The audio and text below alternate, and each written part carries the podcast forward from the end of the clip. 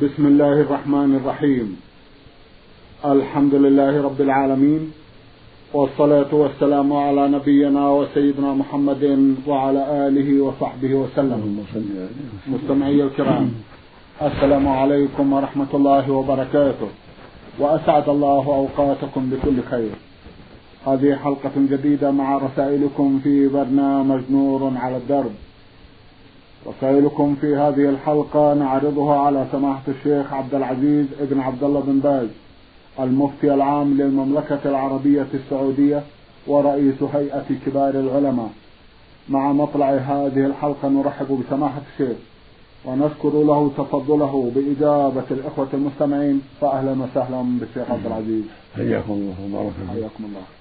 أولى رسائل هذه الحلقة رسالة وصلت إلى البرنامج من أحد الأخوة المستمعين يقول المرسل رايسين من جازان أخونا يقول لنا عم نقاطعه لأسباب متعددة منها ما هو معصية لله ومنها أشياء أخرى تتعلق بصلة الرحم وتتعلق بقسمة الميراث وما أشبه ذلك.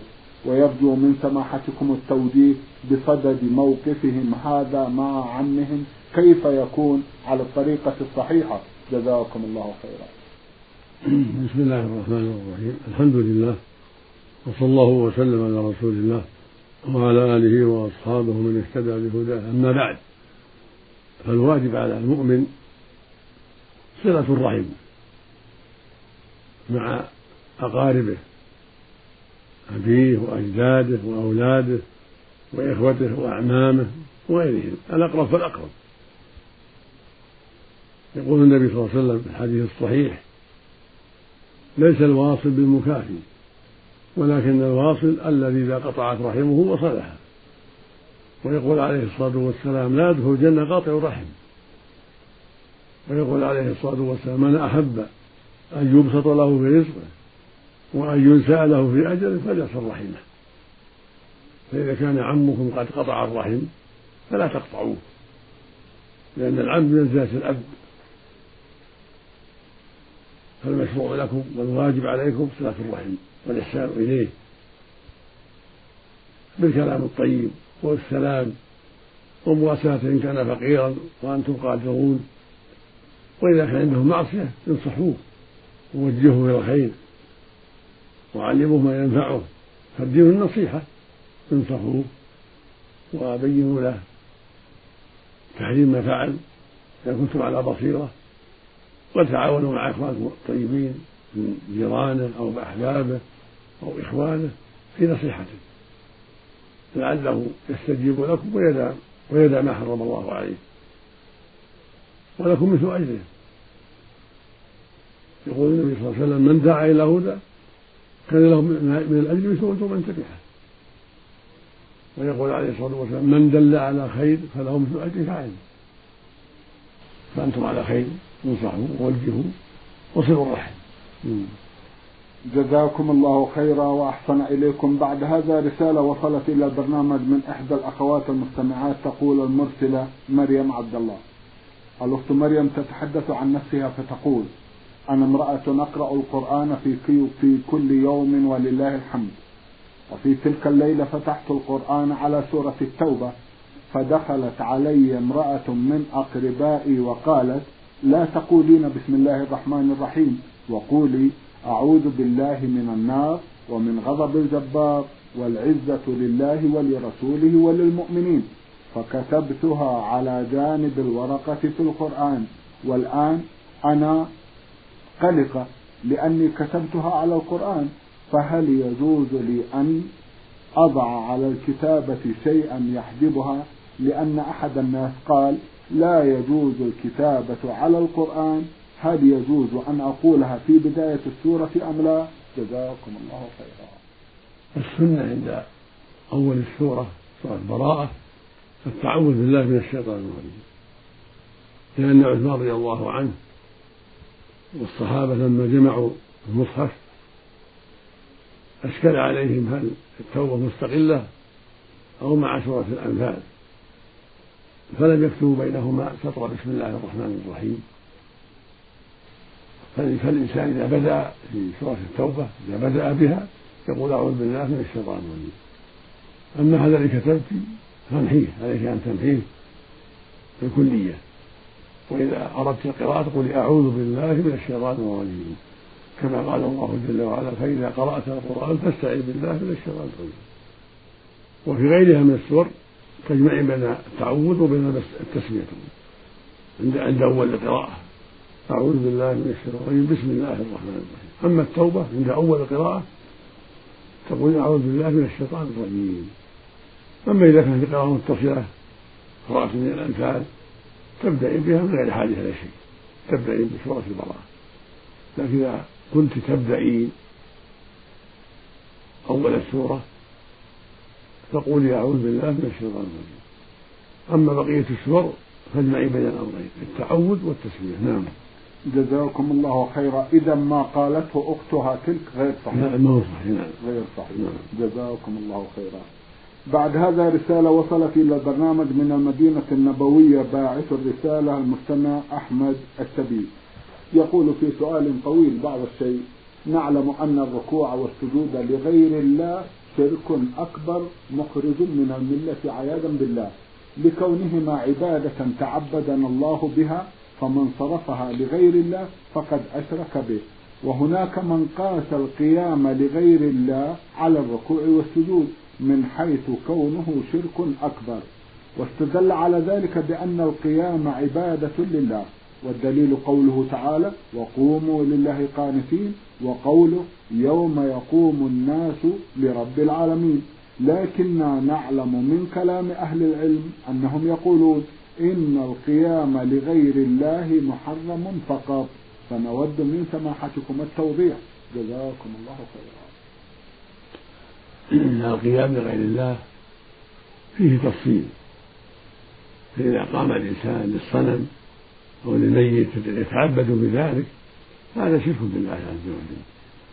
أما إذا قام لأخيه يسلم عليه ويصافحه إذا أقبل عليه أو قام عند دخول من جرت العادة بالقيام له فليس بشرك. لكن يكره القيام للناس إذا دخلوا. كان النبي صلى الله عليه وسلم لا يقوم له الصحابة إذا دخل. لما يعلم من كراهته لذلك لكن إذا قام لمقابلة أخيه الوافد من إجارة فقابله مصافحة فلا بأس بذلك وليس من العبادة في هذا. إنما قام للتحية والإكرام. وقد ثبت عنه صلى الله عليه وسلم أنه كان يقوم لابنته فاطمة إذا دخلت عليه قام لها وأخذ بيدها وقبلها وقعدها في مكانه. وكانت رضي الله عنها إذا دخل عليها أبوها قامت إليه وأخذت بيده وقبلته وأجلسته في مكانها. ولما تاب الله على كعب بن مالك وصاحبيه وجاء النبي صلى الله عليه وسلم في المسجد ورآه طلحة بن عبيد الله قام إليه يهرول حتى صافحه وهنأه بالتوبة ولم ينكر عليه النبي عليه الصلاة والسلام. ولما جاء سعد بن معاذ للحكم في بني قريظة قال قال النبي صلى الله عليه وسلم للصحابة قوموا إلى صاحبكم. قال لهم قوموا إلى صاحبكم. يعني إلى سعد لمقابلته وإكرامه وإنزاله من على الحمار فبهذا يعلم أن أن القيام لغير الله أقسام. منها قيام للتعظيم. على رأسه جالس التعظيم هذا لا يجوز وليس بكفر لا يجوز. منها القيام للصنم أو الميت أو الشجر أو الحجر على سبيل العبادة كالركوع والسجود هذا عبادة لا يجوز. هذا من الشرك الأكبر. النوع الثالث قيام للإكرام إذا دخل وهو في أمكنتهم هذا مكروه كما يفعل بعض الطلبة إذا دخل مدرس أو دخل بعض الأمراء هذا مكروه القيام الرابع إذا قام إلى أخيه الوافد عليه الزائل ليصافحه ويأخذ بيده هذا لا بأس به. بل هو مشروع كما سبق. نعم. جزاكم الله خيرا وأحسن إليكم. إذا القيام للاحترام ليس فيه شيء. نعم. لمصافحته والسلام عليه. نعم. نعم. وللاحترام والتقدير؟ هذا مكروه لا يكون يقف فقط مكروه أيوة. أما إذا قام إليه وقابله وأخذ بيده نعم. هذا مستحب. الكراهة كراهة تحريم أو كراهة تنزيه محتملة محتمل. محتملة. لكن الأقرب فيها المنع. الأقرب منها؟ فيها المنع. بمعنى أنها كراهة تحريم. يقول أنس رضي الله عنه لم يكن أحد أحب إليه من رسول الله صلى الله عليه وسلم. وكانوا لا يقومون اذا دخل عليهم. لما يعلمون من كراهته لذلك فهي محتملة.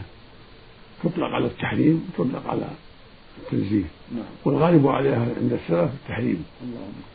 والمقصود أن الذي ينبغي ترك ذلك. جزاكم الواجب ترك ذلك نعم. جزاكم الله خيرا. يقف يقف فقط. نعم. احترام فقط للمدرس نعم. أو للأمير أو لغير ذلك نعم. هذا تركه أولى أقل أحوال الكراهة الشديدة غير التحريم. جزاكم الله خيرا. بعد هذا ننتقل إلى رسالة وصلت إلى البرنامج من أحد الإخوة المستمعين رمز إلى اسمه بالحروف ألف سين نون.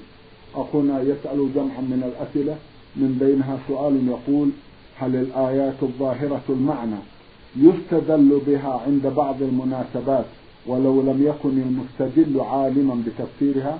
كقوله تعالى لا يكلف الله نفسا إلا وسعها.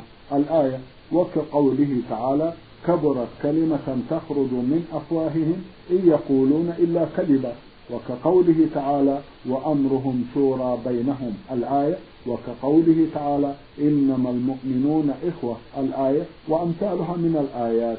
فهل يجوز الاستدلال بهذه الآيات؟ وإن لم يكن المستدل عالما بالمعنى؟ هذه الآيات واضحة المعنى. فإذا استدل بها في محلها فلا فلا حرج. لأنها بينة المعنى. فلا حرج في استعمالها في محلها. إذا كان يعقل المعنى الحمد لله. المؤمن إخوة إذا قال ينصح إخوانه في ذلك نعم. أو يشار بينهم أمر مشتبه فأحب أن يرشدهم ويقول أمره يقرأ عليهم الآية وأمره يشرع بينهم ليتشاوروا ويتفاهموا. وهكذا قوله جل وعلا لا يكلف الله نفسا إلا وسعها فكان مريض يشق عليه القيام فقال له الآية قرأ عليه الآية أو قرأ فاتقوا الله ما استطعتم إذا كان في محلها فلا بأس. جزاكم الله خيرا وأحسن إليكم. أما إذا كان في محل يشتبه عليه لا يقول شيء. لا يتكلم في القرآن بغير علم. أما إذا كان الأمر واضحا للعام والعالم مثل هذه الآيات فلا بأس. مثل ما يقول لمن يخوفه من الزنا يقول له إن الله يقول ولا تقربوا الزنا إنه كان فاحشة. ويقول لمن يشرب الخمر ويتعاطى القمار الله الله يقول يا أيها الذين آمنوا إنما الخمر والميسر والأنصاب والأزلام رجس من أعمال الشيطان فاجتنبوه لعلكم تفلحون وهكذا. جزاكم الله خيرا وأحسن إليكم. يسأل سؤالا آخر فيقول من كان يعرف عنه أنه لا يصلي في حياته إلا أنه ختم حياته بالشهادتين عند احتضاره. هل يصلى عليه أم أنه من الذين قال الله فيهم وليست التوبة للذين يعملون السيئات حتى إذا حضر أحدهم الموت قال إني تبت الآن؟ إذا لم يصرح بالتوبة بذكر الشهادة هو يقول وهو حي الشهادة. مم. هو يقول وهو حي والمنافقون يقولونها فلا تنفعهم إذا لم يكن معها توبة من الكفر بالله. فإذا كان لا يصلي أو يعرف أنه يسب الدين وأنه لا خير فيه فكلمة الشهادتين ما تنفعه. لا في حياته ولا عند الموت. إلا إذا كان عن توبة فأمره إلى الله يوم القيامة. فظاهره الشر فلا يصلى عليه ولا يغسل. نسأل الله العافية نسأل الله أما إذا قال تبت إلى الله من عملي وأنا كنت لا أصلي وأنا أرشدهم أني تائب أو صرح عندهم أني تبت إلى الله من ترك الصلاة وكذا ثم مات هذا يكون حكم حكم التائبين اللهم نعم. الله المستعان جزاكم نسأل الله الله العافية اللهم آمين. يقول هل الخطأ في بعض أركان الصلاة جهلا يبطلها؟ فإن من الناس من يصلي عدد ركعات قصده أن يركع ويسجد حتى يغلب على ظنه أنه أكمل الصلاة من غير أن يفهم أن الظهر أربع والعصر والعشاء كذلك فقد يواصل أربع ركعات بتشهد واحد يوجد هذا حتى الآن في بعض البوادي فما هو رأيكم؟ إذا كان عن جهل ترك التشهد الأول أو زاد ركعة خامسة يحسب أنه يجوز أو ناسي ما يضره ذلك صلاته صحيحة. لكن إذا كان ناسيا يسجد للسهو نعم. جزاكم الله خيرا. كونه يقول إن هذا موجود في بعض البوادي لا بد لسماحة الشيخ من تعليق. أنا لا ما أعلم هذا. واستبعد انه أنه يوجد. الله. يجعل أن الظهر أربع والعصر أربع. استبعد في المملكه العربية السعودية. هذا بعيد جدا. وإذا كان وجد فهذا صحيح. صلاته صحيحة لأنه ترك الشهاده الأول مثلا جاهل أو زاد ركعه جاهل فصلاته صحيحة. ولكن يجب أن يتعلم ويجب أن يعلم. إذا كنت تعلم ذلك أيها السائل فعليك أن ترشد وتعلم من يفعل ذلك ولا تسكت جزاكم الله خيرا. هل تنصحونه بتحديد المناطق تماما لعل يوجه إليهم من يرشدهم؟ نعم. نوصي السائل إذا كان يعلم ذلك أن يكتب لنا أو لوزارة الشؤون الإسلامية حتى يبلغهم هذا المحل الذي فيه هذا الجهالة. هذا من التعاون الذي والتقوى نعم. يكتب لنا أو من الدكتور عبد الله التركي ومن الشؤون الإسلامية نعم. حتى يرسل له بعض الدعاة. نعم. جزاكم الله خيرا وأحسن إليكم. يسأل أخونا سؤالا اخر فيقول هل الاشتغال بكسب المعيشة عن قراءة القرآن من المصحف يكون من هجرانه؟ وهل قراءتي للقرآن في السيارة من تعاهده؟ حيث أنه يحصل أحيانا تشاغل بقيادة السيارة. هجر القرآن ترك العمل به هذا هجره. أما ترك التلاوة في بعض المشاغل فليس من الهجر لأن القراءة مستحبة. فإذا قرأه فله بكل حرف حسنة والحسنة بعشر أمثالها. فإذا شغل بطلب الرزق أو بأعمال أخرى فلا حرج عليه. لكن يستحب له أن يختم كل شهر أو كل شهرين أو أكثر هذا كله مستحب. وإنما الهجر المحرم هو هجر العمل. يخالف القرآن ويرتكب المعاصي هذا هو الهجر المحرم. جزاكم الله خيرا وأحسن إليكم. يقول هل يجوز تأخير الصلاة إلى آخر وقتها للخوف أو للبحث عن الماء أو لطلب حاجة ضرورية قد تنقضي في آخر الوقت؟ جزاكم الله خيرا. يجوز لكن لا يفوتها يجب أن يؤخر إلى آخر الوقت حتى يصلي في آخر الوقت لطلب الماء أو لشغل مهم يخشى فوته وأما إذا استطاع أن يصليها في أول وقت فهو الأفضل.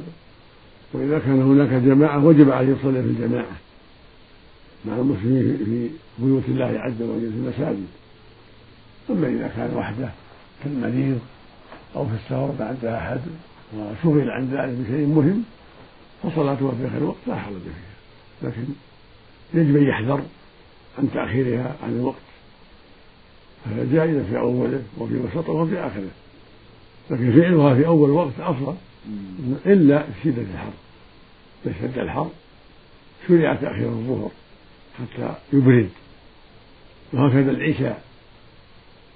إذا تأخر الجماعة شرع للإمام أن يتأخر حتى يجتمعوا. كما كان النبي يفعل عليه الصلاة والسلام. نعم. جزاكم الله خيرا وأحسن إليكم. يقول هل تجوز القراءة والنفس على المرأة المصروعة أو الملدوغة بحية أو عقرب مع وجود جمع من النساء ولا محرم هناك؟ نعم. لا بأس. إذا حصل عدم الخلوة اللي حصلت إذا حصل وجود شخص ثالث كأبيها أو أخيها أو زوجها أو امرأة أخرى. المقصود لا يخلو. يكون معهم ثالثة أو أكثر فلا حرج. نعم. وإن كان من النساء. وإن كان من النساء. الحمد لله. هو شرط المحرم المحرم في السفر بس بارك الله فيكم نعم. جزاكم الله خيرا. نعم. هل التي دون سن الإجزاء من الغنم تخرج زكاة؟ لا يمشي إلا جذع الظن أو ثني المعز في الزكاة. في الزكاة. نعم. إما جذع عضان أو ثني معز كالضحية. ما شاء الله. نعم. ما شاء الله. هل يجوز السلف من الشعير بالشعير الذي يعد علفا للأغنام إلى أجل ثم يرده مثلا بمثل؟ لا بأس. الحمد لله. الشعير وغير الشعير. الشعير والبر والرز والدراهم كلها يجوز السلف. ويرد مثله. مثلا بمثل. نعم. بارك الله فيكم. هل تعرف ضالة الغنم؟ يجب. تعريفها يجب يقول النبي صلى الله عليه وسلم من أوى ضالة فهو ضال. ما لم يعرفها. فإذا وجد ضالة من الغنم فعليه تعريفها كما يعرف النقود والأغاني والملابس. نعم. جزاكم الله خيرا. كيف تشرحون حديث رسول الله صلى الله عليه وسلم؟ هي لك أو لأخيك أو للذئب؟ معناه واضح. يعني إذا تركتها أخذها الذئب أو أخذها غيره. فخذها أنت واحتسب واحتسب الأجر. نعم. مع التعريف. مع التعريف. مع التعريف. إذا لا يقصد من هذا عدم التعريف. لا. الأحاديث تفسر بعضها بعضا. بارك الله فيكم. مم. بارك الله فيكم وجزاكم الله خيرا. أعطاني شخص سلعة قيمتها مئة ريال. وقال أريد ربح عشرين ريال وما زاد فهو لك. هل مثل هذا التعامل يجوز؟ لا بأس. لا حرج الحمد لله. إذا باعها بأزيد فالزائد له. ما شاء الله. مم. جزاكم الله خيرا. ثم أعطاني سلعة أخرى وقال قيمتها كذا يعني رأس مالها وبعها واقسم الربح بيننا بالسوية فما حكم هذا التعامل؟ لا حرج ما شاء الله يكون نصف له ما شاء الله سعيا نعم نعم جزاكم الله خيرا وأحسن إليكم.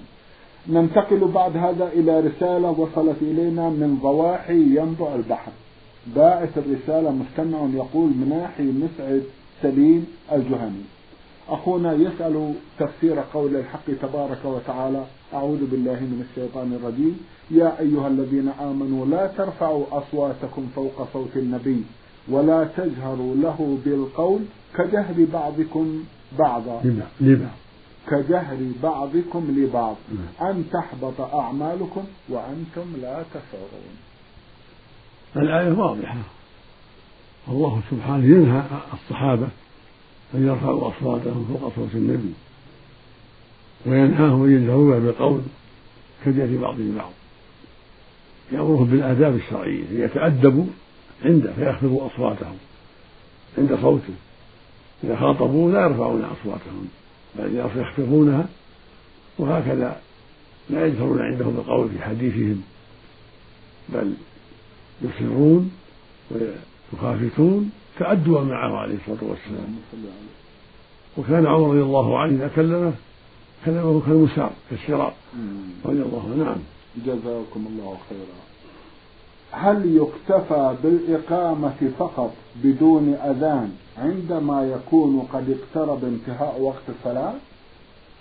إذا كان قد أذن غيره. مم. إذا كان قد أذن المؤذنون في البلد. نعم. فلا بأس. ما إلا هو عليه أن يؤذن حتى يعلم الناس. دخول الوقت. نعم. جزاكم الله خيرا. ما كفارة الرياء؟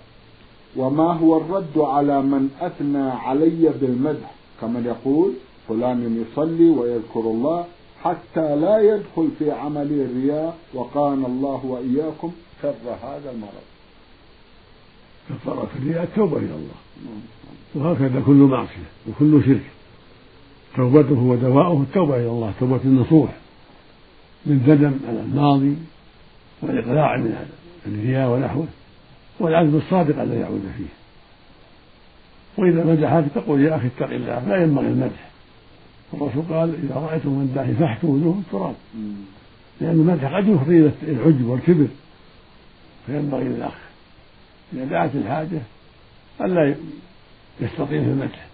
بكلمات قليلة إذا دعت إليها الحاجة. نعم.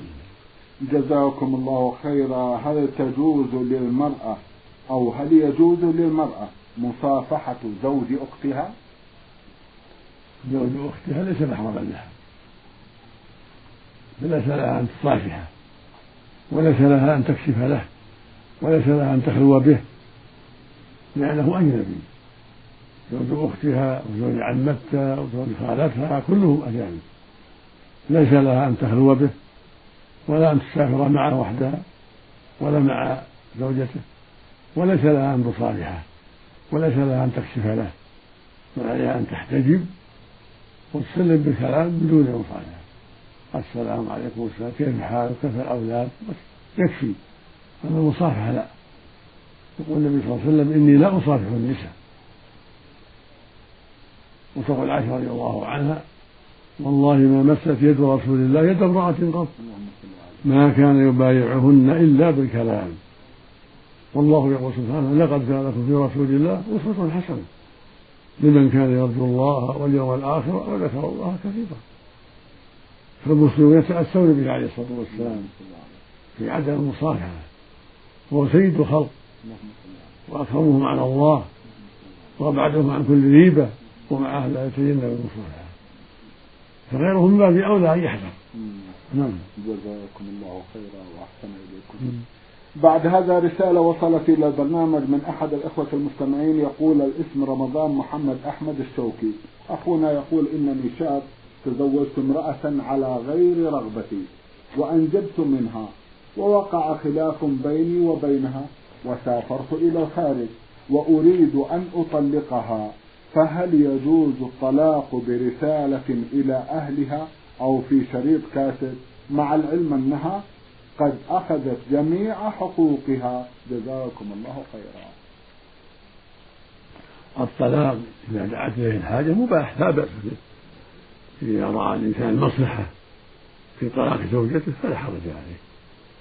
ولو طلق طلقة واحدة فقط هذه السنة طلقة واحدة حال كونها حاملا وفي طهر لم لم يقع فيه جماع إذا كانت ممن تحيض ليست آيسة ولا حامل. فإن السنة يطلقها في حالتين إما في حال الحمل وإما في حال الطهر ليس فيه جماع.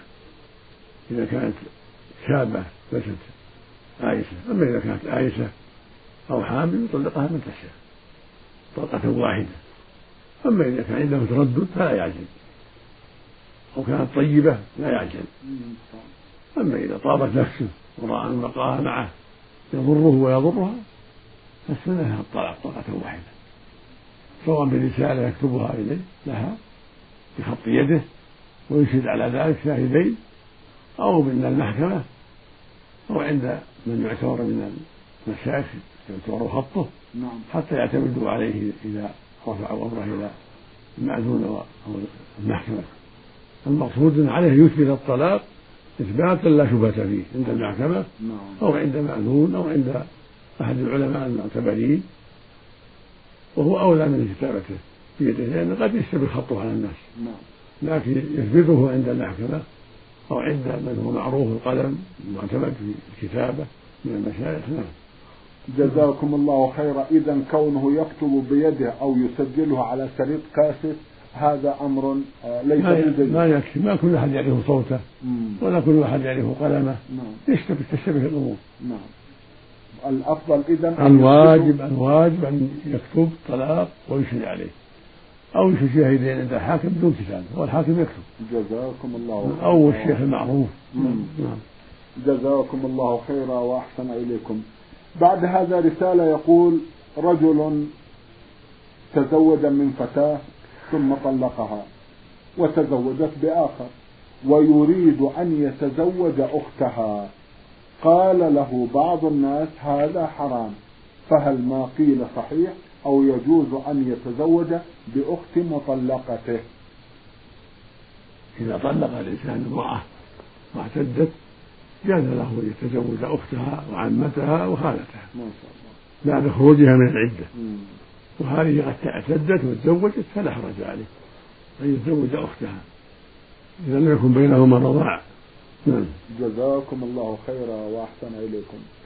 سماحة الشيخ في ختام هذا اللقاء أتوجه لكم بالشكر الجزيل بعد شكر الله سبحانه وتعالى على تفضلكم بإجابة الإخوة المستمعين. وآمل أن يتجدد اللقاء وأنتم على خير. مستمعي الكرام كان لقاؤنا في هذه الحلقة مع سماحة الشيخ عبد العزيز ابن عبد الله بن باز المفتي العام للمملكة العربية السعودية ورئيس هيئة كبار العلماء. شكرا لسماحة الشيخ. وأنتم يا مستمعي الكرام شكرا لحسن متابعتكم. وإلى الملتقى. وسلام الله عليكم ورحمته وبركاته.